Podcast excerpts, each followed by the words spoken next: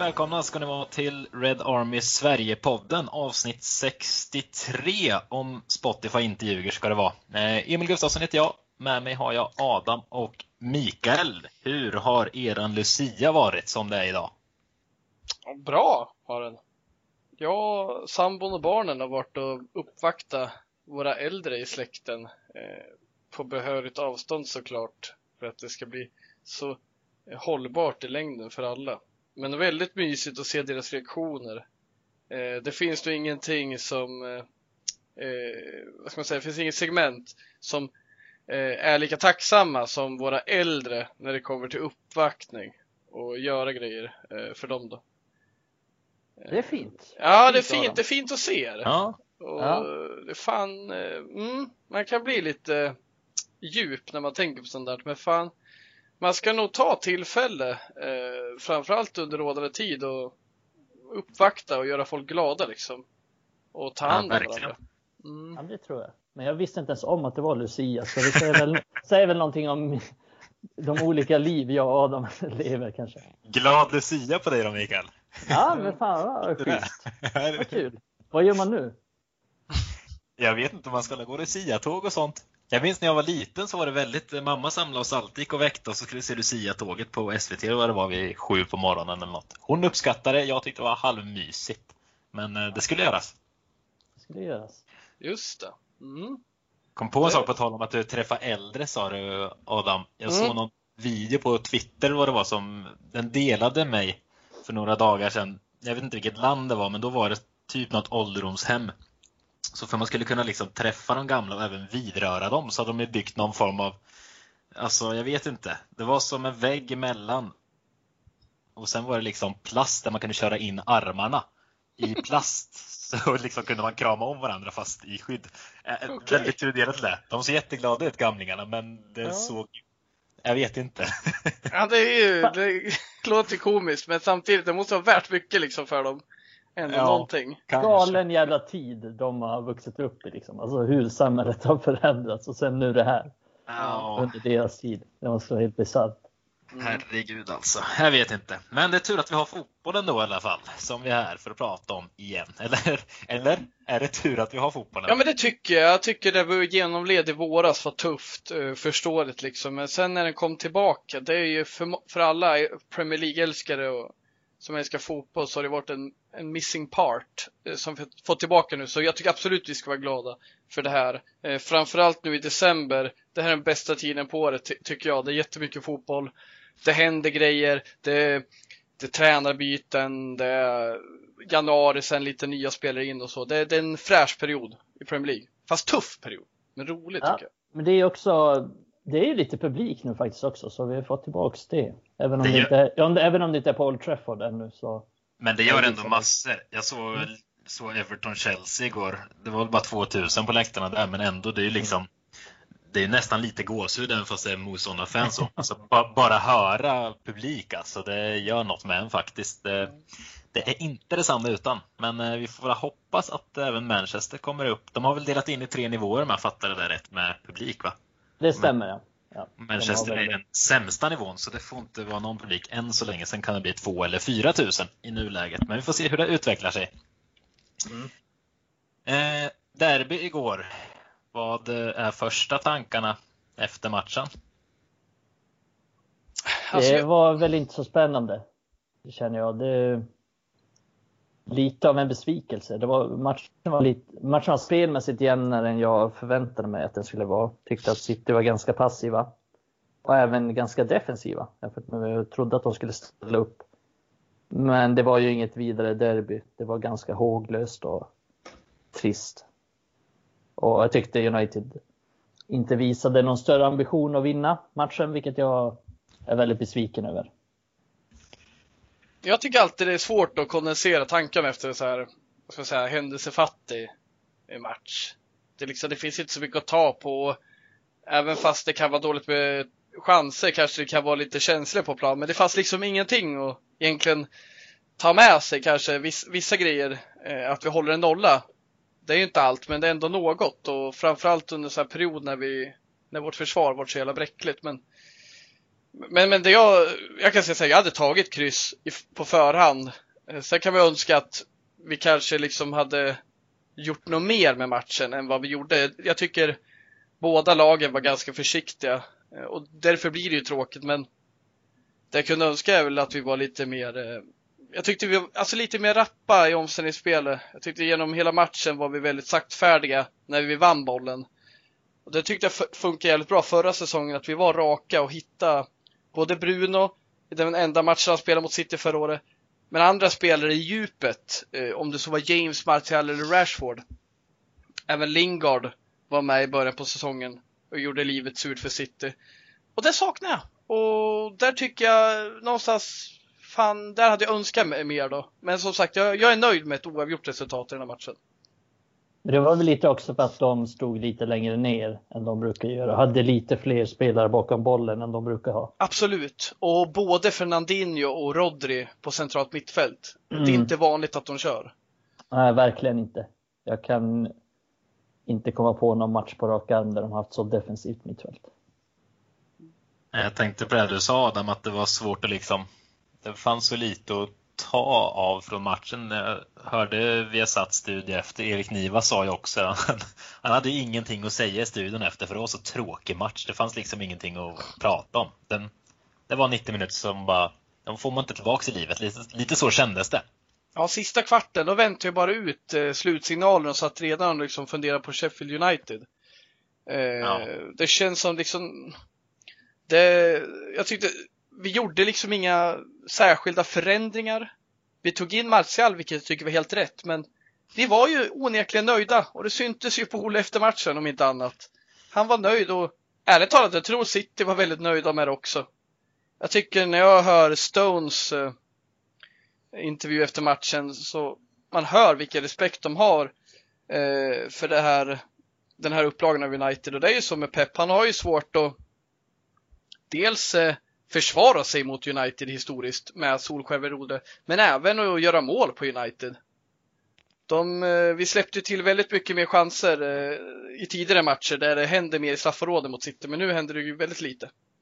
Jag tror, jag tror Ole sa det också att trots att det blev 0-0 nu och att United inte vann så tyckte ju Solskjaer att United släppte till lite mindre än, än föregående matcher fast vi har mm. vunnit mot City. Och det kan jag hålla med om.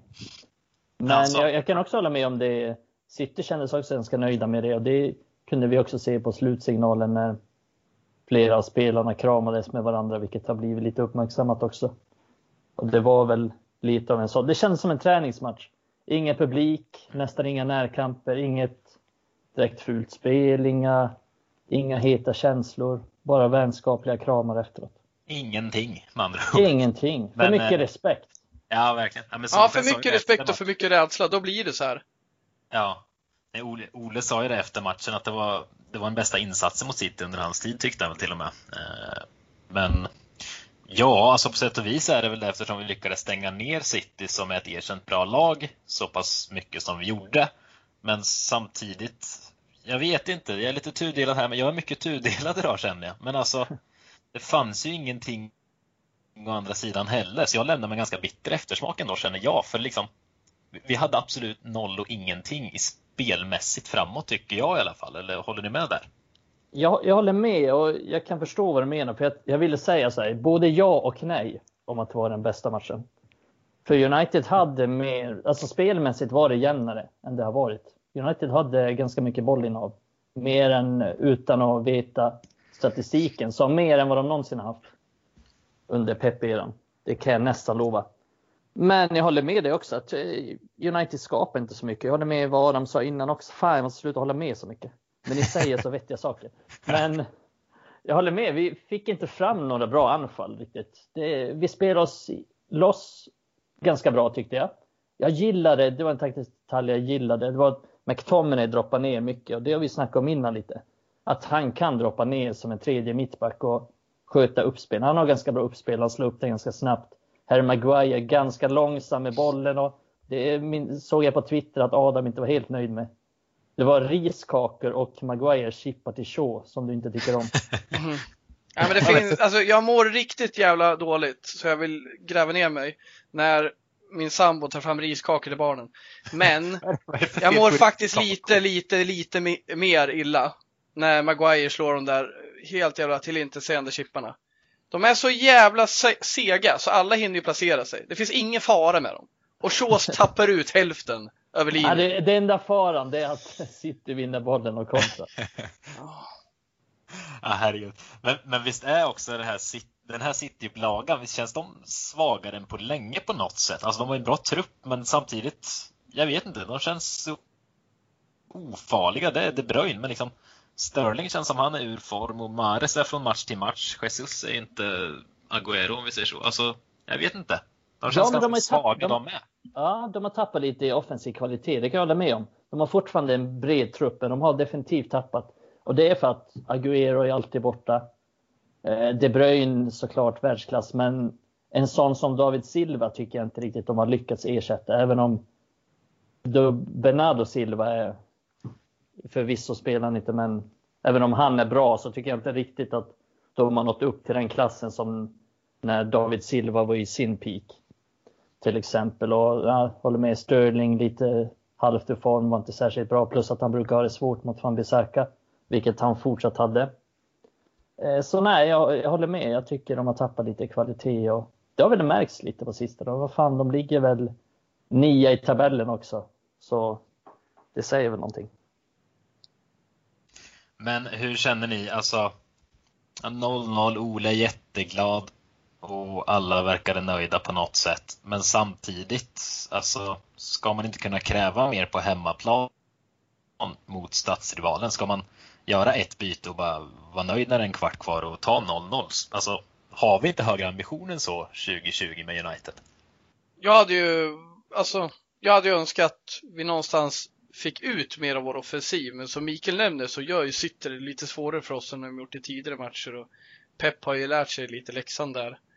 Men jag tycker absolut man kan vara nöjd med ett oavgjort resultat för jag, anser ju att om vi kan Alltså, i vissa matcher är det okej okay att vi kryssar tycker jag. Sen gäller det att vi vinner mot Palace, mot Burnley. Det är där vi går mot titeln liksom. Och vi kunde även förlora och spela oavgjort i matcher mot eh, under Fergusons tid mot sådana här lag. Toppkonkurrenter. Men sen känner jag att jag önskar någonstans att vi, vi kan komma till att vi, vi äger matcherna mer och, och där vill jag mer i en sån här match i framtiden. Inte just mot City nu, jag tror inte vi kan äga dem nu, bollinnehavet och bryta ner dem. Men jag vill ju att vi ska komma dit och det önskar jag ju, det, det är mitt mål att vi ska få till. Men eh, jag tycker absolut vi kan vara nöjda med ett oavgjort resultat i den här matchen. Det är liksom, det är inte ett defining moment det här. Det är inte så att vi tittar tillbaka på, ah, äh, vi vann inte på Old Trafford mot City. Det är därför säsongen gick åt helvete. Eh, lite både och känner jag. Att jag kan hålla med Adam, alltså ur sin kontext hur det har sett ut den här säsongen spelmässigt, resultatmässigt. Det är klart att en poäng inte är så dåligt mot City. Men om vi kollar på det stora hela, vår kravbild på United det är väl ganska precis två år sedan Ole tog över. Och jag tycker att vi fortfarande inte är där, där vi kan liksom utmana lag som City och Liverpool till exempel spelmässigt och resultatmässigt. Och någonstans måste vi börja kräva det. Vi, jag tycker att vi säger varenda år ungefär samma sak. Förra säsongen kom vi tre. Jag tänker, ja men nu ska vi väl börja utmana nästa säsong.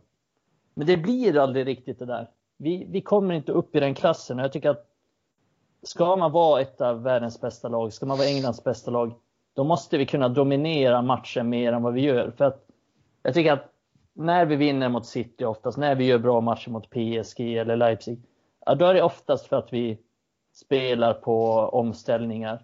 Men jag vill ju, någonstans måste vi börja kräva att, att vi vinner sådana här matcher, att vi kan spela ut större lag rent spelmässigt också och skapa chanser trots att City kanske backar hem lite mer. Vi kan inte bara säga att ja, men City backade hem lite mer och därför kunde vi inte skapa någonting. Vi måste ju kunna skapa av ett eget spel också, inte bara raka bollar. Även om det är den här truppens styrka. Eh, jag, jag tänkte lite på det igår efter eh, derbyt så som sagt så är Everton-Chelsea och då slogs jag av att Everton tog ledningen ganska tidigt där. Och Chelsea som då är det bättre laget i grunden Alltså, de tog liksom tag i taktpinnen direkt och började trycka ner Everton och liksom fick världens press. Nu vann ju Everton till slut av med, men hade jag varit Chelsea-supporter så hade jag suttit ändå efter matchen och känt så här. Ja, det här var ju ett väldigt tråkigt poängtapp självklart, men det fanns ändå saker i spelet som de liksom kan bygga vidare på. Spelar de sen nästa match mot Everton så vinner de garanterat. Det är det jag saknar ofta i United. Det är så här, ja, vi fick med oss ett skapligt resultat, men ja, nästa match då? Hur ska det gå? Känner jag. Ja, men det var Exakt, man, är ofta, man, man, kan ju vara ofta nöjd tycker jag under olika delar av eh, Solskärs eh, styre har man ju varit nöjd med vissa resultat liksom. Men det är sällan man, man har varit nöjd kanske med, med utvecklingen spelmässigt. Eh, kanske för en stund, men sen fall, faller det ur och man har ju märkt ofta att eh, vissa spelare går bra eller vissa formationer går bra. Sen, bara, sen släpper han det och går tillbaka till något han är trygg med. Det har vi ju berättat flera gånger i podden. Men jag kan hålla med dig Emil, absolut. Och det, det är ju en stor skillnad från många andra tränare tycker jag. Vad jag ser av andra tränare. Ja, precis. Det är väl, det är väl någonstans det vi vill ha av United i slutändan. Och det är väl dit vi, vi måste sikta. Och kan vi inte nå dit med nuvarande tränare, ja då måste man kanske göra någon förändring. För jag ser inte riktigt att vi har inte tagit de kliven, fort, vi har fortfarande inte tagit de spelmässiga kliven Visst, vi gör bra resultat emellanåt och, och kanske mer bra moment i själva matcherna. Om vi ser till den här säsongen så är det ju mycket vändningar mot SA-15 och kanske vändningar mot West Ham. Men där är ju också, det är ju pissuselt i en timme mot West Ham. Men sen kommer det moment, individuella prestationer, det kommer kanske en 20 minuters period av matchen där United är riktigt, riktigt bra. Men det är, det är sånt vi måste kunna se, se och kräva i 90 minuter tycker jag, eller åtminstone 80 minuter. Tills matchen är vunnen.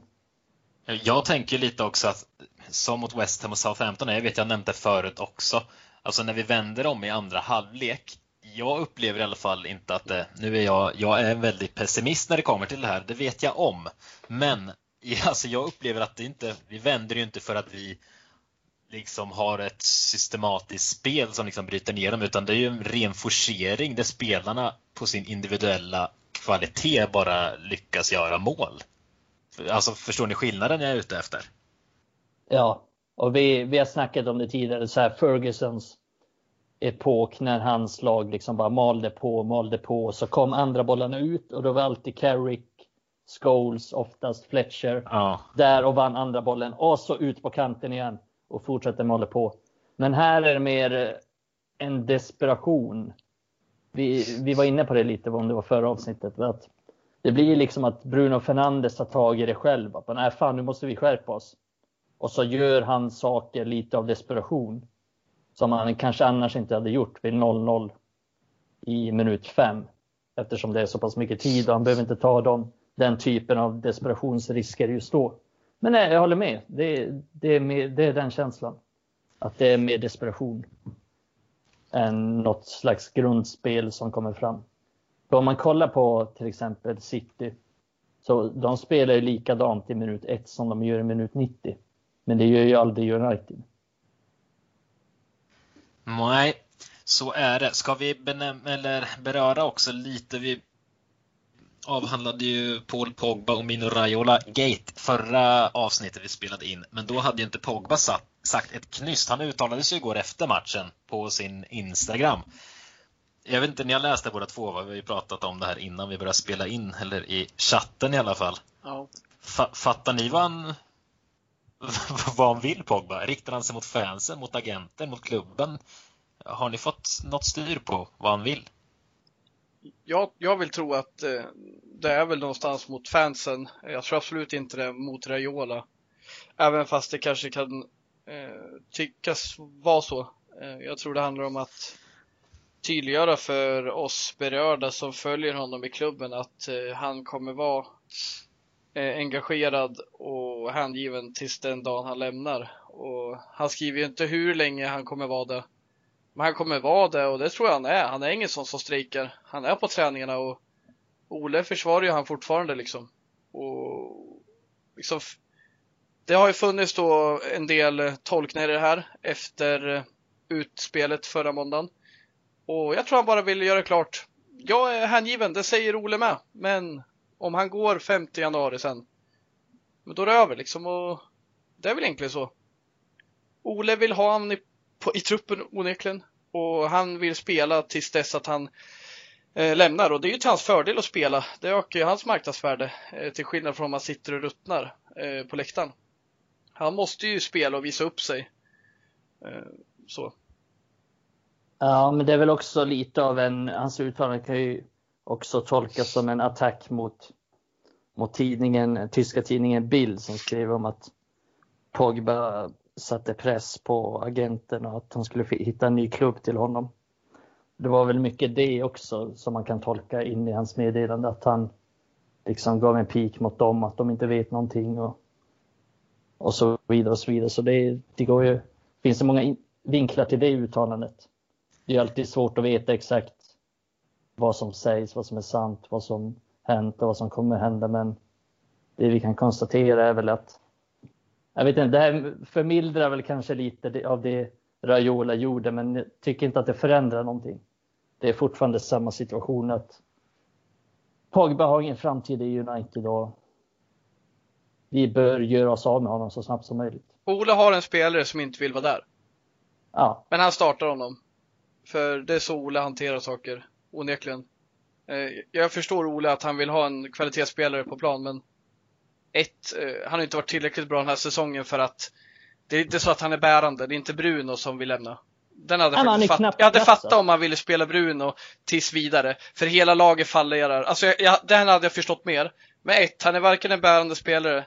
Och två, han vill lämna liksom. Gått lite bakom ryggen.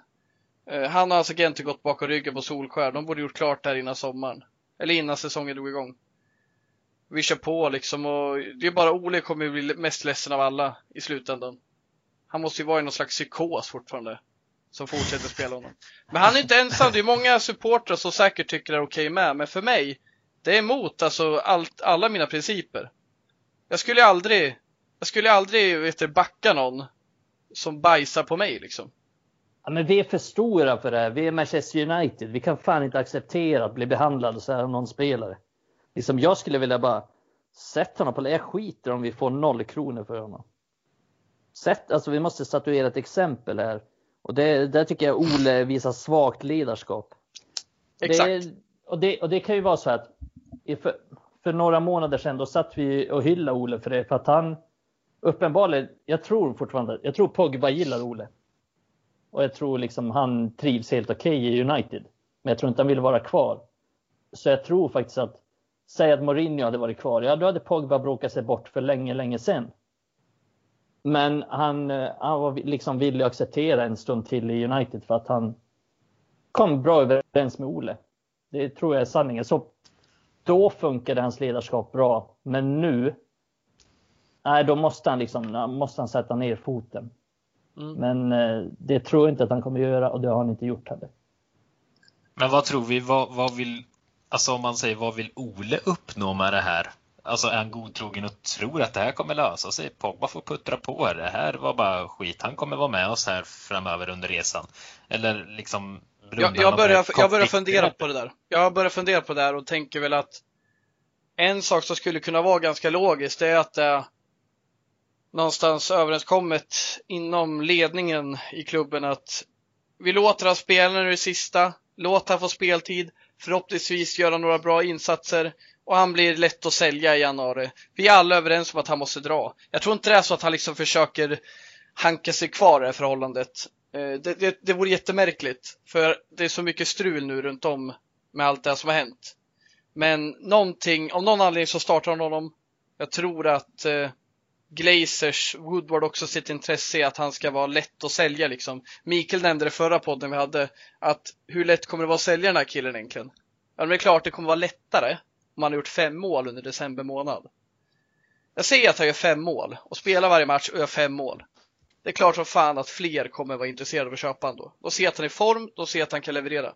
Sen vill inte jag att han spelar, för jag nämnde också i förra podden, jag skiter i vad vi får från honom. Jag vill faktiskt bara att han ska väck. Och jag vill att det sker nu så vi kan återinvestera i spelare, en spelare vi faktiskt behöver. Ja, det är, det, ja, det är det rimliga att göra. Kan jag- Vilken, ång vilken ångest man skulle ha om han spelar nu och gör fem mål i december och sen säljs. man får se liksom vad han kan. Och hade man mått jättedåligt Det är samtidigt. först då han börjar visa sitt värde. Ja. Det är väl i linje med hur han har varit hela sin karriär. Och vi kan väl inte säga att det här är någon, eh, nu när jag tänker på det, jag lite förträngt det, men så var det ju när han kom till United från första början. Då han bråkade sig bort från sin frans, franska klubb då också. Och sen kom Okej. han ju till United och så inom parentes bråkade han sig bort från United till Juventus också. Eftersom han inte ville skriva på ett nytt kontrakt och så vidare och så vidare. Så han har ju egentligen gjort kontroversiella flytter hela tiden. Så det här är ingenting nytt med Pogba. Så vi visste ju egentligen, någonstans visste vi ju om vi hade lite research och lite erfarenhet i styrelsen att det här är ett potentiellt problem. Och det är ju definitivt visat sig att vi har fått det. Ja, verkligen. Det blir kul att fortsätta se hur det här utvecklar sig. Alltså det, det väntar man spänt på.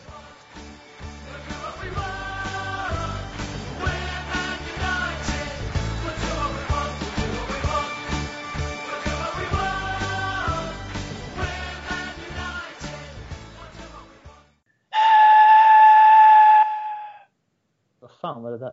Hörde du det? Ingen aning. Lät som jävla ånglok tuffa förbi här. Hörde Jag du det? inte. Jag hörde ingenting. Fan Nej. vad konstigt. Ja. Ja, ja. Vi går- ja. Jag och Emil hör syner då, men Ja, man hör börjar ju syner. Man börjar ju undra när man suttit instängd i en studentetta i några veckor här och haft corona och skit. Man börjar ju se saker komma ut i väggarna, så jag vet inte. Jag Kan tror vara det är jag. någonting jag tagit i helgen. Det otäckt. kan, ja, kan vara en stor stark som gör sig påmind. Ja, ja, ska vi gå vidare? Det är Ja, för match, fan. det är match snart igen, va? Torsdag. Jajamän! Torsdag? Och om vi inte lyckas eh, trycka ner vårt motstånd då, som är Sheffield United, då vet inte jag om det finns något hopp kvar. Yorkshire-veckan inleds. Först Sheffield på torsdag, sen tar vi emot Leeds på söndag. Mm. Fy fan. Jävla fint. Ja, onekligen. Men Först- Sheffield är ju, det, det är ju, det var du som skrev det Adam förut i vår gemensamma chatt va? Att Derby är det tröttaste laget, nej förlåt, Sheffield är det tröttaste laget sedan Derby i Premier League. Ja, man kan ju fan inte minnas ett annat lag som tagit så lite poäng eh, på så här många matcher inledningsvis. Skulle inte förvåna mig till och med Derby hade en bättre inledning. Men de, de tog ju typ, ja, vad tog de? 12 poäng på en hel säsong 2006. Mm. Eh, 0708 va? Ja, just det. 078 ja. Mm. Ja, en, en poäng har Sheffield lyckats skrapa ihop på 12 inledande matcherna, 5-21 i målskillnad. Så 21 insläppta är ju inte jätte, jätte uppseendeväckande kanske. Nej. Det är inte ens två mål i snitt per match insläppt. Men fem framåt. Och jag har gått igenom lite deras, eh, jag kikar lite igenom deras matcher de har spelat här i år. Alltså deras bollinnehav i snitt skulle jag gissa ligger strax under 30. Det är ju brutalt låga siffror. Ja, verkligen. Det, det, det känns ju som det känns ju som eh, det ska vara ett lag som vi har problem med liksom. Ja, ja. Det är det är Crystal Palace klass. Vi Det är nästan i problem, Burnley klass. Vi kommer få problem, det är inte. Nej. Vi hade ju kan- problem sist vi besökte Bramble Lane. Det ska gudarna veta. Kommer ni ihåg den matchen? Ah, det kommer väl eh, supervändningen som vi har sett Ja, även i år några gånger. jajamän. Det var tre akademiprodukter som såg till att vi på typ nio minuter, eller om det var sju, eh, vände på steken. Greenwood, Rashford, eh, Williams va? Mm. Williams tog i allt vad han kunde på en volley. Drämde Halv- dit. Halvvolley. Ja, halvvolley kanske. Ja, fan. Nej, men det, det, det var en förskräcklig match. Eh, Din gode vän Phil Jones, Emil, han hade Ja. ju en riktig jävla skräckafton med Limousin. Jag bara väntar att någon av er skulle nämna Phil. Han måste omnämnas varje podd jag är med i. Men det måste nästan vara den sista matchen han egentligen spelat under Ole. Jag minns att han hade något slags till förlit till honom innan, men efter det, då blev det inte många matcher i alla fall. Kan det vara sista matchen han gjorde i karriären? Jag vet, jag, jag, han, han gjorde säkert någon match efter det, men jag vet att han var knappt med i trupperna efter den matchen och han hade ändå lite eh, mandat innan det. Ja, han spelade ju mot City också som vi nämnde i förra avsnittet. Exakt, Ja. precis, i januari och det var ju ett tag efter. Mm. Eh, nej men jag minns, jag vill minnas att vi Vi hade ju jättesvårt mot dem på Bramall Lane men vi hade ju svårt med många matcher mot lågt stående försvar i, i den tiden av eh, vår säs- föregående säsong. Däremot i andra mötet hemma på Trafford då var vi precis som i många andra matcher under den perioden väldigt starka även mot lag som backade hem. Ja, Och- det var väldigt bra under den tiden. Ja, vi var jättebra. Då stod ju Martial för ett hattrick. Eh, det första sen van Persie. Så det, det. det är liksom inget lag vi ska egentligen ha problem mot. Men överlag, vi, vi har haft svårt eh, den här säsongen. Eh, mot, eh, I många avseenden tycker jag. Och jag tyckte som mot Palace, då hade vi ju jävligt lågt bolltempo och så vidare. Eh, vi hade ju inte fått till laget. Den här matchen ska vi kunna ha fått till eh, bättre förutsättningar. Vi har mer t- kommit, blivit trygga i våra respektive roller på planen. Men jag tror absolut vi kommer ha svårt i den här matchen. Ja, oron, alltså skräckscenariot inför matchen mot Sheffield nu, det är att de, de lär ju sitta med en sjubackslinje i princip i knät på Ramsdale som står där nu. Mm. Eh, det man oroar sig över är ju att eh, liksom, de Maguire och Lindelöf som står vid mittplan och trampar på bollen och så står vi med fem man uppe vid deras backlinje i en linje och en krake kommer och möter typ och sen står vi där och rullar sakta sakta. Kommer det ske tro? Ja, absolut. Om de backar hem så kommer vi ha det tufft. Det har vi haft i varje match när eh, Maguire styr bolltempot. Jag tycker överlag den här säsongen med typ när Matic har styrt bolltempot, Fred har styrt bolltempot eller Maguire har styrt bolltempot så har det varit för svagt. Och det tycker jag är en av våra stora brister idag. Eh, eftersom att inte Pogba har blivit en Ole vill på centralt mittfält och kunna styra spelet eh, med tempo då. Det är där vi saknar. Och jag tror det kommer bli en stor utmaning för oss. Eh, däremot så, jag har inte exakt funderat på vilka spelare jag vill ha i en sån här match, men det känns ju som att eh, man gärna vill få in någon lite mer bollspelande på centralt mittfält. Eh, om det så är VDB eller vem det är. För typ McTominay och Fred kommer ju inte funka lika bra i den här matchen eh, som de gjorde mot City. Nej, men det känns väl som en passande uppgift för VDB. Att komma in på mittfältet. Kan, han är ju han är lite bättre på att dra upp tempot, passningstempot, röra sig, ta ny position. Det är väl kanske det som jag känner behövs här mot Sheffield. Mm. På förhand i alla fall. Alltså jag håller med. Jag, jag tror det är ingen match för, vi har ju sett mycket, mycket överlag den här säsongen att det är Fred McTominay som, som Ole har satsat mest på.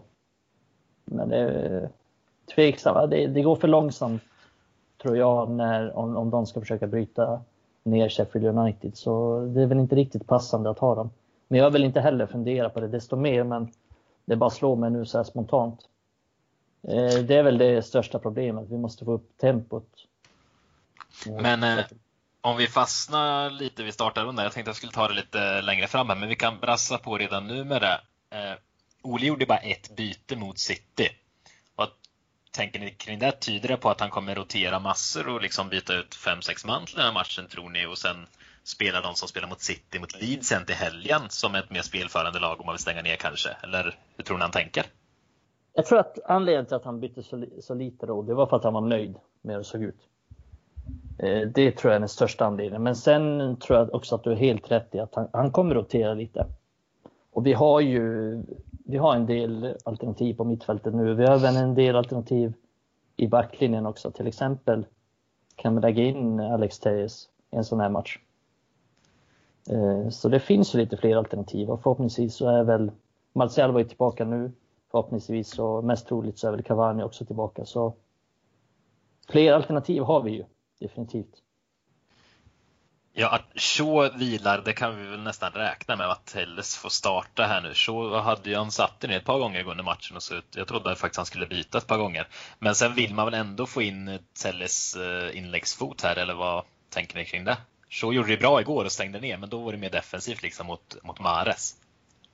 Ja, jag tycker alltså... absolut att Telle ska in med sin fot. Jag tyckte att det var helt rätt att starta så i förra matchen. Och han uh, fyllde verkligen sin roll där, en roll jag inte tror att Telle skulle gjort uh, ens nära lika bra defensivt. Men i den här matchen så är inte den defensiva styrkan lika viktigt, viktig och jag framförallt att han har förmåga att slå tidiga inlägg. Det kommer kunna vara fördelaktigt mot Sheffield United för med deras wingbacks och deras eh, trebackslinje, det är, ingen, det är inte så här det kommer inte vara öppna ytor bakåt, bakom backlinjen och det kommer inte vara liksom läge att kombinera sig fram. Så om vi kan hålla ett högt bolltempo och sen komma till en del tidiga inlägg. Det tror jag absolut är bra och då gärna med Cavani från start om han är tillbaka. För vi kommer behöva någon som är vass i boxen. Det spelar ingen roll hur många inlägg vi slår till till till exempel Rashford och Greenwood. Det är knappt Martial heller. Det är för svagt liksom i straffområdet. Mm. Jag, jag kan definitivt köpa det och ska Teje spela då tycker jag att Cavani också ska spela. För tidiga mm. inlägg, det, det är det jag ser som Alex Tejes styrka. För jag har faktiskt inte alls blivit imponerad av honom i spelet annars. Jag tycker inte han har varit särskilt bra defensivt. Jag hade väl kanske inte förväntat mig att han skulle vara heller. Tycker han var helt okej okay defensivt. Men jag är faktiskt mest besviken på hans offensiv. Jag tycker inte att han har något, visat något slags kombinationsspel med någon i laget direkt. Eh, tycker inte att han är särskilt snabb. Tycker inte att han är någon dribbler. Utan han har, liksom, han har tidiga inlägg som han slår lite för ofta utan att det finns någon i boxen. Och där kommer vi in på Cavani. Nu kommer Cavani finnas i boxen om han spelar. Men har vi inte Cavani, ja, då, får, då slår han mest inlägg till ingen alls. Och han slår dem, upplever jag, trots att det inte, trots att det inte står någon där. Eh, Greenwood har väl lite potential att göra något i boxen, vilket vi såg. Eh, Tejes assisterar ju faktiskt till honom mot West Ham, även om det var ett miss, ganska misslyckat inlägg. Så har han ju lite med den glöden i boxen. Liksom så här, kommer det inlägg mot Rashford, det händer ju ingenting. Martial kan väl göra någonting ibland, men Nej, det är definitivt en match för Cavani och Tejes också tror jag. Jag tror inte Shaw kommer göra... Nej, som du säger Emil också, han såg, han såg jävligt sliten ut mot, mot City. Jag, jag har svårt att bedöma, vet det, Tellesen. Jag tycker väl fortfarande han har spelat för lite fotboll, men jag tycker ändå jag har sett lite, lite kvalitet framåt. Som du säger, inte så mycket kombination, inte så jävla mycket eh, samarbete med Rashford som man kanske önskat. Men jag tycker de inlägg vi har sett är bra. Men jag tycker defensiven däremot, där är jag besviken. Jag, jag tycker han, det var någon match, jag kommer inte på exakt vilken. Det kan varit PSG som han var så jävla eh, efter och missplacerad. Stirrig. Men jag kan tycka att det är svårt att bedöma han för han har spelat väldigt lite den här säsongen än så länge. Och han har ännu inte riktigt kunnat komma in i lag. Alltså han behöver få spela mer innan jag kan bedöma honom. Men, men jag, jag tycker faktiskt defensiven jag blivit mest orolig för. Sen kan jag hålla med offensiven, jag har inte blivit bländad än. Det är väldigt få tillfällen. Men ser ändå något komma där. Jag ser att det här kommer bli bra. Men defensiven, jag är riktigt orolig där. Jag vet inte fan om jag vågar släppa in honom i vilka matcher som helst än så länge. Det är något så här som ändå ska tro är ja, fan är bättre när vi värvar en sån här spelare. Att uh, defensiven, mm. det är klart vi ska ha en bättre offensiv spelare än, än Shaw. Men det finns många som är där, men också är bra defensivt. För ska jag mm. säga så, Shaw, jag gillar inte honom särskilt mycket, men han är bra försvarare. Tycker jag. Ja, men han, är, han är ganska stabil och speciellt i den typen av matcher som vi, som vi såg mot City också. Där eh, var vi ganska överens innan om att lite om att eh, Shaw ska spela den matchen. Mm. Att han är stabilare och han kommer göra det stabilt.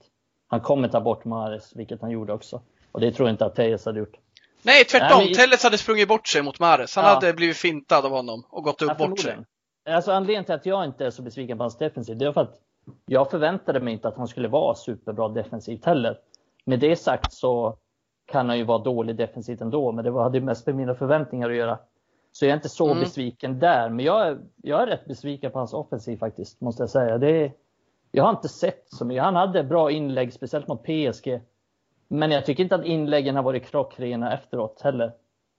Så ja, det, det, finns lite att ta på. Det, jag ska inte döma ut honom helt. Han har spelat ganska lite, plus att han har spelat på olika positioner. Han har spelat vänsterback och wingback. Det är inte riktigt mm. samma sak. Vilket man kanske kan eh, skylla lite på i, i, hans defensiva brister. Att han har spelat lite på olika positioner, kanske inte riktigt kom in i någon stabiliteten. Men äh, li, lite besviken, men i den här matchen tycker jag faktiskt att han ska starta. Ja, men jag tänker så här, det, för mig, ja, jag, jag, jag förstår vad du säger då. För mig är så här, the best is just to come för honom. Alltså vi kommer få in Telles, han kommer få spela mer matcher och med Cavani på topp. För det spelar ingen roll om vi har Greenwood på topp så kommer inte nickmålen ösas in bara för att Telles är där. Men Nej. däremot med en så vass spelare som Cavani. Men absolut, hittills har det varit, det har varit svårt att se eh, något tydligt från honom än. Ja, men jag Som sagt, han har ju spelat tre matcher i Premier League liksom. Mm. Och, och, ja, mot Palace, det är då vi har saknat honom. Det är då vi hatar så. Ja, men vi älskar så, eller jag älskar så mot City i alla fall. Mm. Ja, då kan jag acceptera så. Mm. Men jag vill inte se Shaw mot Crystal Palace eller mot Sheffield United. Så det är, men det är också, TS är ändå, han ska vara en färdig spelare nu. Och sen kanske inte kan kräva att han ska vara klockren de tre första matcherna. Det är, gudarna ska veta att vi har haft spelare som Vidic och Evra som inte var särskilt bra de första matcherna. Men han ska ju liksom, han ska ju vara en färdig spelare nu så det är ju, han får ju liksom, han kommer inte få så mycket tid att, att börja leverera så det är ju dags att visa det nu under våren. Och jag tror att han kommer bli lite bättre men jag ser inte riktigt den enorma höjden i honom faktiskt, tyvärr. Jag tror ni inte det kan vara ganska svårt att komma in i det här United-laget också eftersom det uppenbarligen inte finns så mycket linjer och ramar i spelet. Liksom. Man slängs in och sen är det bara helt främmande vad som ska ske. Ja, det tror jag. Och det det är väl en anledning till att inte så många har lyckats i det här United. De senaste värvningarna. Hur många har egentligen varit helt klockrena? Det är ju Bruno Fernandes. Ja. Annars så är det inte så mycket. Utan det är ju, vi snackade om det lite tidigare också, att Maguire och Wan-Bissaka, de har bitvis hållit en ganska bra nivå, men de har egentligen inte utvecklats särskilt mycket i United. Man, man hoppades ju på mer från båda då. Det kan man ju ja, överens om i alla fall. och James har ju snarare gått, gått tillbaka. Han har inte, han har fått negativ ja, utveckling. Nej, verkligen. Och Bruno har väl också en sån, om man ska ta honom, han har ju en fri position så för hans del behövs inte så mycket ramar för att han ska kunna blomstra liksom. Han, han, är, lite, han är lite som när jag spelar futsal med mina kompisar. Då går jag upp i så här fri roll och håller på att dribbla lite och sular och klackar och håller på. Känslan är att det inte är lika estetiskt vackert. Ja, det är väldigt estetiskt vackert. Ja, ja, ja. Men Tellis, Tellis från start till vänster är vi ganska överens om i alla fall. Eh, mycket tidiga inlägg och så.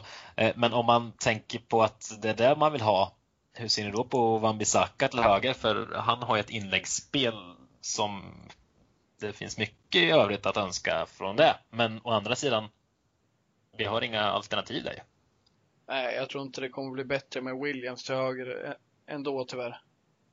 Eh, jag tror inte det kommer bli sämre i uppspelsfasen. Men jag tror det kommer bli sämre defensivt. Det är väl så. Wan-Bissaka klarar av en sån här match. Eh, tror jag. Eh, defensivt i alla fall. Det är offensivt man saknar, men det är ju det. Det är kanske något vi behöver få in i januari med, lite mer alternativ. För Wan-Bissaka får inte den konkurrensen han får idag. Och Ethan Lärden har vi inte sett till än. Tyvärr. Nej, det har vi inte och det är, det är så frustrerande. Anledningen han spelar väl idag, Mikael? Gjorde inte det? Ja, han spelar idag med U23, men han är ju alltid skadad. Han har ju varit skadad den här säsongen också, gånger två typ. Så direkt han kom tillbaka så blev han skadad igen, men han spelar idag med U23. Han gjorde en eh, fin assist mot City. Mm. Så eh, hade han varit skadefri, då hade jag lätt spelat honom i en sån här match. Alltså inte bara slänga in direkt, men alltså hade han hållit sig skadefri säg från augusti till nu, då hade jag lätt spelat honom i, i den här typen av matcher mot, mot lag som backar hem. För då, han är redan nu bättre offensivt än vad fan Bissaka är. Sen är han inte lika stabil defensivt, men vem fan är det? Men eh, på tal om Brandon Williams som eh, fladdrar förbi där. Vad, vad, vad, gör han nu för tiden? Tänkte jag säga. han spelade också med U23 idag. Han bad om att få spela. Eftersom Han, skulle, han spelar ju egentligen inte med U23, men han har inte fått spela så mycket så han liksom bad om att få göra det. men vad, vad, tror du, vad tror du det beror på att Williams inte fått, för han, är ju, har, han har ju knappt fått någon chans i år verkligen. Det är lite märkligt för han spelade ju ganska mycket förra säsongen ändå. Det kändes som Solskjaer trodde på honom. Mm. Han hade säkert inte fått så mycket speltid om inte Shaw hade skadat sig förra säsongen. Nej, Nej Plus att jag tror inte att.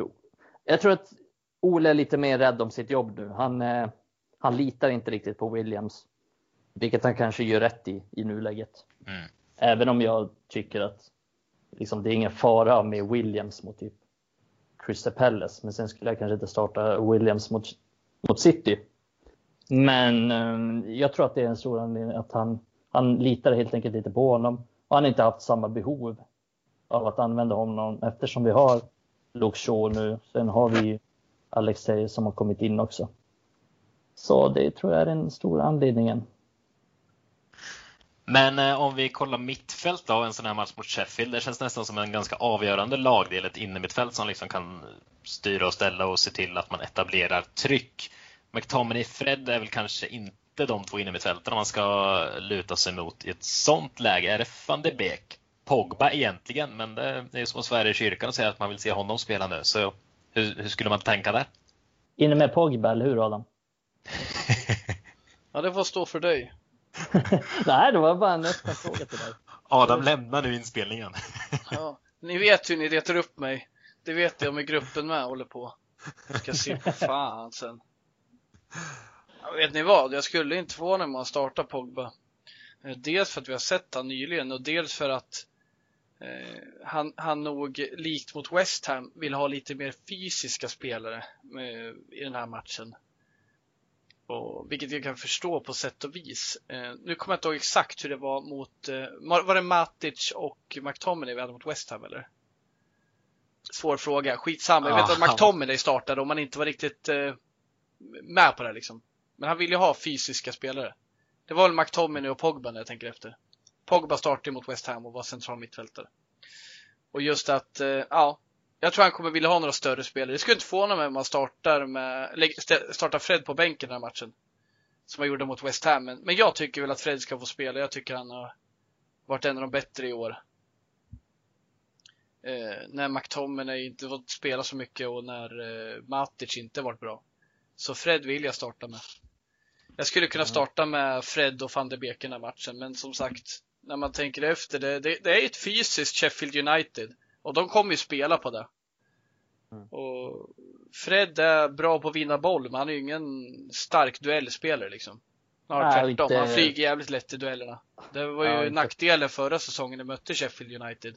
När vi hade både Fred och Pereira. Kommer du oh, ihåg den konstellationen vi hade i flera matcher? Det såg inte jättebra ut, men jag skulle kunna ge Fred en, en eh, plats i den här matchen. Jag gillar honom. Ja, men med Fred och van der Beek så tror jag att det blir lite lättvindigt. Och jag tror inte att Ole kommer använda endast de två. I så fall kommer han Nej, det är ingen du och han kommer Nej. preferera. Han kommer inte preferera. Nej, jag tror att han kommer. Jag tror att han kommer starta med Pogba. Mm. Det är svårt att se att han släpper honom i den här matchen. Jo, rent, rent innan det här hände här förra veckan med Raiolas eh, utlåtande, eh, då hade det varit helt rätt att starta Pogba en sån här match om man ser på det nyktert. Du menar innan vi visste att han ville lämna? Ja, men, ja, ja, men typ så. Innan, eh, innan det blev så här trist. Vet inte om du försöker lura in mig i något hörn nu. eh, men absolut, innan vi visste att han ville lämna så hade väl han haft en roll. Jag vill inte spela en så central mittfältare, men i vissa matcher då gör det faktiskt ingenting att han, han är med och att han är lägre ner i plan. Och en sån här match är väl en sån, kan jag tycka. Jag kan tycka att vi behöver lite kreativitet redan lägre ner i plan. Mm. Eh, och det är därför jag vill ha van de Beek på planen och jag vill inte peta Fred. Men ett alternativ vore väl kanske att ha Matic och eh, eh, Fred då, att man ändå har någon stor, för de har ett, en del stora killar, en del driviga killar i sitt lag. Eh, Sander mm. Berge till exempel. Det är en duktig tvåvägsspelare. Eh, mm. För den nivån liksom. Han kommer kunna fortsätta spela i Premier League om, han, eh, om de åker ur. När de åker ur. Ja. ja, det får man nästan konstatera. Eh, men hur känner ni rent taktiskt kring en sån här match? För jag upplever ju Ofta går man till Maguire och Lindelöf och säger att de ska stampa på bollen. Men jag tycker ofta man ser att de liksom letar alternativ och så tittar man upp och så ser man väldigt bra med tv-kamerorna så vinkeln från sidan. Att då står liksom av vilka som nu spelar med den, säg Rashford, Martial, Greenwood, Bruno. De står fyra, fem man på rad ihop med deras backlinje. Hur får man bort det en sån här match, tror ni liksom? Ja, vad är det som krävs? Är det Bruno som ska komma ner och möta eller hur, hur kommer vi bort från det? För det fastnar vi jätteofta, är min upplevelse i alla fall. Ja, alltså, bra fråga. Ja, jag tror att det är svårt och det är någonting som måste fixas på träningsplanen. Men eh, det, är, det har ju sett ut så extremt länge. Och det är inget som jag tror magiskt kommer försvinna bara till den här matchen. Utan det är någonting man måste jobba med strategiskt och jobba med över längre tid. Men det verkar de inte riktigt göra. Och jag håller med dig, det, det är svårt att göra så mycket. De har inte så många alternativ att spela till och det känns ju så konstigt, eller hur? Att sådana som liksom så Rashford, eh, Greenwood, Martial, det är ju ändå spelare som är rörliga. Det känns så konstigt att de inte... Och sen också Rashford till exempel, hans styrkor är ju djupled snarare än... Även om han... Jag tror att han vill jävligt mycket. Han vill vara en sån som är extremt bra på att komma ner och möta, men han är ju inte riktigt det. Man måste ju bara inse det själv, men... Eh, får man en, en klar rollfördelning Säg att han ska löpa i djupled, ta fler löpningar. Då. Det är väl inte liksom hela världen. Det är som eh, vi sa innan också. Gör de löpningarna eller så blir du bänkad. Det är inte svårare än så. Men att det måste det... finnas rörelse i straffområdet också när vi är så här lågt. För det finns alltid, det finns lägen att slå in bollen till en, en anfallare som rör sig. Men som även går i djupled. Och att det även finns då en av de här centrala mittfältarna som vågar gå i djupet när istället för att stå kvar bland mittbackarna som redan är högt upptryckta att vi har en central mittfältare som man önskade Pogba var någon gång i tiden går in i straffområdet och löper liksom drar isär. Det, det är ju Bruno är ju den som nästan ska ha bollen hela tiden. Då ska ju inte han gå i djupet. Men om det är van de Beek som är en av två centrala mittfältare och är med och rör sig helt enkelt, att vi, vi rör oss. Jag tycker att vi, vi, är, vi är alldeles för statiska. Och när vi är till exempel van de Beek, eller förlåt, van Bissaka, eh, Greenwood och McTominay på kanten. Då spelar man en triangel och sen går den över till, eh, vi säger Bruno då, eller tillbaka till Lindelöf. Man önskar ju då att McTominay hade förmågan att slå över en crossboll till andra sidan. Alltså att vi har den förmågan. Jag tycker Pogba har den, jag tycker Bruno har den. Men Bruno är, Pogba ska inte vara på plan, Bruno ska vara i centrum liksom.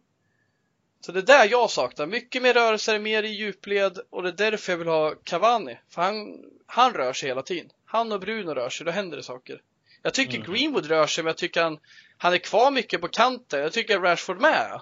Och där skulle vi önska att de är mer dynamiska i sitt spel. Alltså vill våga byta plats och sådär. Han har börjat ändra kant mycket, eller byta kant med längre bollar, Greenwood. Har ni märkt det? Få det känns som att han har fått en instruktion, ja. Ja, så får han bollen och så vänder han kant ofta. Eh, nej, men jag håller med. Jag kan sakna det. En snabb, lång boll över till andra sidan. Men det är ju för, för att vi överbelastar ofta på vänstersidan. Vi, slår vi en lång boll ut till högersidan, då är det nästan alltid Van Bissaka som ja. är framme och tar emot den. Och han gör inte så mycket med den.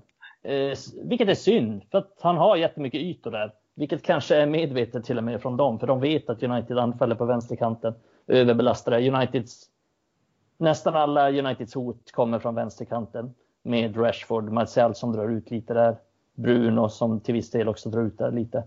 Så det blir inte många, jättemånga mål från den högerkanten så man hoppas ju någonstans att vi kan få en lite mer offensiv högerback och Nej, men också, vi har ju ett sparkapital där. Greenwood har inte varit helt fantastisk den här säsongen. Vi vet ju att han kan komma in från den högerkanten och avsluta och slå inspel och och kombinera sig fram. Man har ju många verktyg i, i verktygslådan. Men vi har inte riktigt fått, vi har inte riktigt använt den kanten, men vi har inte riktigt haft starka spelare där heller. Jag sitter bara och garvar lite för mig själv när jag tänker på Adam när du nämnde att Van Bissaka har inte två fötter, det är två klövar när han ska försöka göra något med bollen. Mm. det ser ut så när han ska dribbla. Varje gång jag ser honom. Varje gång jag ser Van Bissaka så tänker jag det är Klöven. Två klövar där. Ja, så gör han sina basketdribblingar där. Man, ja. det... dansar omkring. Ja. Ibland glömmer han bollen, men han gör mm. fint. Ser ut som att han ska snubbla när som helst. Han ser ut som, jag minns en eh, när vi hade så här, spelat fotboll på skolgården när vi gick i typ sjuan. Och det var en som inte brukade spela fotboll men som hade gjort det på senare dagar. Och han hade en sån här vilja att dribbla. Och det var liksom inga vanliga dribblingar. Det såg, det såg helt sjukt ut. Det såg ut som någon slags breakdance med boll. Och liksom fötterna var överallt och liksom han höll på nästan att hjula och göra kullerbyttor när han dribblade.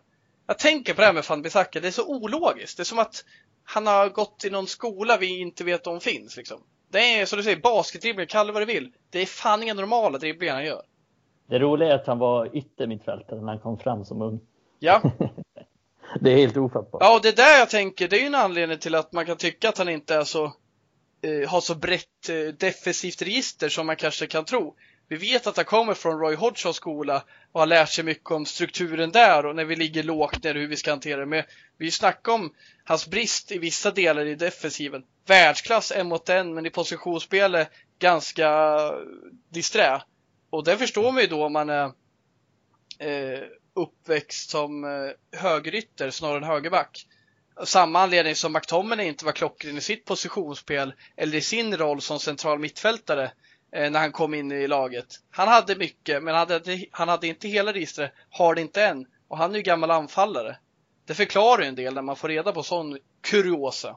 Jag tror han var, han var yttermittfältare när han var 15-16, Fambitaka. Det är inte mm. så att han bytte när han var 11. Nej, precis. Nej, kul är det med klövar i alla fall. Det är ett som är säkert. Eh, hur tänker ni framöver då? Det är ju ett brutalt spelschema nu. Alltså det kommer ju, det är ju två matcher i veckan ända fram till jag vet inte när. Eh, alltså, nu gäller det att använda truppbredden tänker jag. Maguire spelar väl varje match, det gör han hela tiden. Men i övrigt så lär det väl snurras ganska friskt, eller det behövs snurras ganska friskt, tänker jag. Mm. Mm. Ja, absolut. Vi möter ju Leeds redan på söndagen efter. Vi hinner ju knappt träna mellan matcherna blir skittajt. Och, och, sen är det väl eh, Midweek direkt igen därefter va? Ja. Eh, Ligacupen. Just det, ja, ligacupen. Dagen innan julafton va? Mm. Det är ingen match ja, som eh, Everton kommer Någonting säger men det är klart de kommer vilja vinna kuppen men de har ju också tajt schema. Och roterar inte så mycket. Har en del Mång, skador. Så de kommer nog där. fan inte våga göra hur som helst. Eh, men samtidigt har de ju rätt bred trupp så de kan ju ställa upp ett hyfsat lag ändå. Eh, lite som oss. Mm. Vi har ju liksom van de Beek på bänken. Vi har Matic på bänken senast. Ja, vi har ju en del att laborera med nu för tiden, men det är väl vissa positioner. Vi var inne på det, van Bissaka, det är, vi har ingen riktigt bra ersättare där just nu heller, så att han kommer få spela mycket. Och sen, det är ju också det att hur bra är vi utan Bruno Fernandes? Hur bra är vi utan eh, Rashford från start? Det, vi har visat, det har visat sig att det, vi inte är så bra utan Bruno. Så det är intressant Mikael. Det är liksom bara hoppas att han, vi, har vi råd att vila honom ens? Det kommer inte vara möjligt. Alltså vi får ju liksom sikta in oss på att avgöra de matcherna tidigt och sen byta ut honom. Men vi har ju inlett så jävla dåligt i de flesta matcherna. Inte nu mot City förvisso, men tidigare. Så det är ju, jag sa det innan också, att vi får ju verkligen kämpa för varenda poäng mm. den här säsongen. Och, ja, det kommer slita mycket och jag hoppas verkligen att han hittar någon lösning till Bruno Fernandes, inom parentes, problemet. Bruno håller jag med om. Honom kommer vi inte kunna, vad heter det, vila. Eh, däremot så kan vi vila Rashford, framförallt i, Mar i Martial-matchen, i Sheffield United-matchen, där jag hellre har Martial då till vänster, Cavani centralt och Greenwood till höger. Om vi nu tittar på schemat, jag har det framför mig, och då faktiskt ja. ha en fresh Rashford mot Leeds, som är ganska naiva, spelar med hög press, det kommer bli ytor både bakom deras mittfält och backlinje, eh, liksom där yta mellan och eh, mellan deras backlinje och målvakt. Så jag ser en nyttig att tänka till där. Och samtidigt, Håll- Rashford gör sig inte med. jättemycket mot Sheffield United. Håller helt med. Eh, Det är, en, det är en bra aspekt. Men det är, det är väl mest, jag tänker mycket på den här West Ham-matchen och det var ju kanske Ja men absolut, Det var han ju behövdes mycket- då. Så ja, det var ju, ja, han behövdes då. Det var ju, sen är det svårt att säga hur mycket, ja han var ju fantastisk, men det var ju kanske mer Bruno Fernandes förtjänst, även om jag inte ska ta bort något från Rashford. Men det var mest den matchen jag tänkte på att det blev en sån tal förändring när, när han och Bruno kom in och man är lite orolig att hur ska vi kunna ersätta den kreativiteten när de går Mm. ut? Det har vi inte riktigt lyckats med.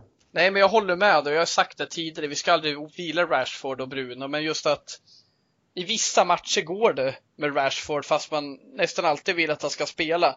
Det är en sån Mm. spelare som när folk börjar kritisera honom, då börjar han ju komma igång. Och är ju bra de senaste säsongerna över en hel säsong liksom.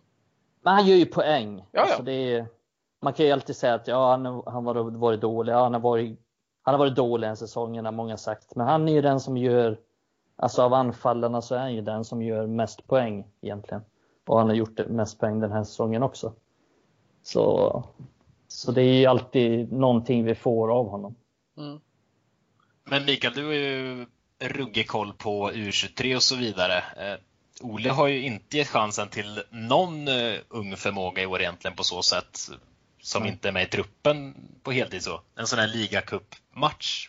Tror du det finns någon som har möjlighet att få komma upp och lira eller kör han på det som finns? Nej, egentligen så tror jag inte riktigt det. Jag tror att det är en så pass stor match för Ola att han, han kommer rotera, helt klart. Men han kommer rotera med Mata, Matic, van de Beek, eh, Daniel James, Fosemensa, Tuansebe. Eh, Jag tror inte att han kommer ge någon ny chans. Kanske, kanske, kanske Pelistri i så fall. Som kan få Mm. något inhopp. Men han räk, räknas väl kanske som en A-lagsspelare även om han har spelat med, med U23 mest. Men annars så tror jag inte riktigt det. Han har ju inte, men till exempel Tede Menga är ju officiellt en del av Uniteds A-trupp men har inte fått spela någonting den här säsongen. Brandon Williams knappt fått spela någonting. Så det är ju svårt. Det är, han har inte, som du sa, han har inte gett någon direkt chansen. Men det är väl men annars är det väl en liten, liten chans för vår svenska Antonio Elanga eftersom han är en av de offensiva spelare som är bäst i U23 och som ligger närmast den en plats om någon om han vill rotera lite. Jag tänker typ, jag har ju hellre Elanga som offensivt hot och slänga in mot ett lågt stående Crystal Palace än jag har Daniel James. Sen ser jag ju nytta med James i andra situationer. Men snackar vi bara om att komma in och göra skillnad och kanske göra ett mål eller en assist. Då skulle jag hellre chansa med Langa faktiskt. Mm. Fan vad James kommer göra mål om han spelar mot Leeds förresten. Och fan vad James kommer bli bra om han spelar i Leeds i framtiden. Det tror jag. Ja, det, det tror jag också. Jag tror han kommer passa perfekt i Bielsa boll. Det tror inte jag. Du tror inte jag? Bielsa har en tanke med det. det jag, Jag- jag, jag- tycker inte James är dålig liksom. Eller, han är inte United bra kanske, men det finns. Man kan få ut nytta av honom. Jag, Men jag ser inte att det finns någonting i honom mer än en brutal snabbhet. Det är verkligen det enda jag ser. Du Ja, underskattar har Bielsa. Ja, Ja, ja. det gör det. Bielsa skulle få men- ut mycket av Adam på högerkanten. men Ja, Storma fram. Bielsa Ja, skulle men ta fram det bästa ur mig. Du måste skaffa Ja, en manbun Adam. Det Ja, förstår du. det går ju inte att snaggad när man spelar Leeds. Nej, fan Men- du måste ha en frisyr av det slaget. Men det säger emot dig själva nu, då är det Bielsa som är jävligt skicklig. För Adam har ju inget i sig heller, tänker jag. Precis. Jag har ju förvisso inte sett Adam spela fotboll, men jag tror att han är en jävla slitvarg. Jag Känns som det kan komma många fula, fula brytningar av någon anledning. Om Ja, det kan nog bekräftas. Pogba spelar i motståndarlaget, då kommer det. Ja, ful fotbollsspelare. Käfta gjorde du med motståndaren med, kan jag tänka mig. Nej, jag är faktiskt ganska snäll. Ja, ja, då så. Ja, Jag har fått fel bild. ja men några otajmade tacklingar har jag lyckats med. Ja, det ska det väl vara. Det är bara härligt. Ja, vi får se. Ingen av oss eh, tre får nog chansen mot Sheffield. Jag tror inte Daniel James kommer få det heller, men eh, vi får se. Det var väl allt för oss för idag. Har ni något mer på hjärtat ni vill eh, få med innan vi bryter här? Det är Nej, väl jag att vi, Nej, vi, nej, vi ska... jag tror det var. Va? Sjung Adam, för jag hade faktiskt ingenting. Du räddade mig här med din sång. Jag tänkte säga som kungen. Nej. Nej, jag tror Nej. inte jag har varit på Jag tror faktiskt inte det. Nej, tror inte jag heller. Då tar vi det Klippa in därifrån. det. Kan vi klippa in det? Jag ser fram emot i alla fall att fortsätta se på fotboll nu i december. Jag hoppas att det är lika kul när vi summerar december. Det är fortfarande en rolig månad att följa fotboll i. Bra sagt. Bör, börja med ett, ett djupt citat från Adam och avsluta med ett djupt citat från Adam. Så håller vi tummarna att vi eh, går in i, vidare i december här med vinst mot Sheffield på torsdag. Så hörs vi av eh, nästa vecka.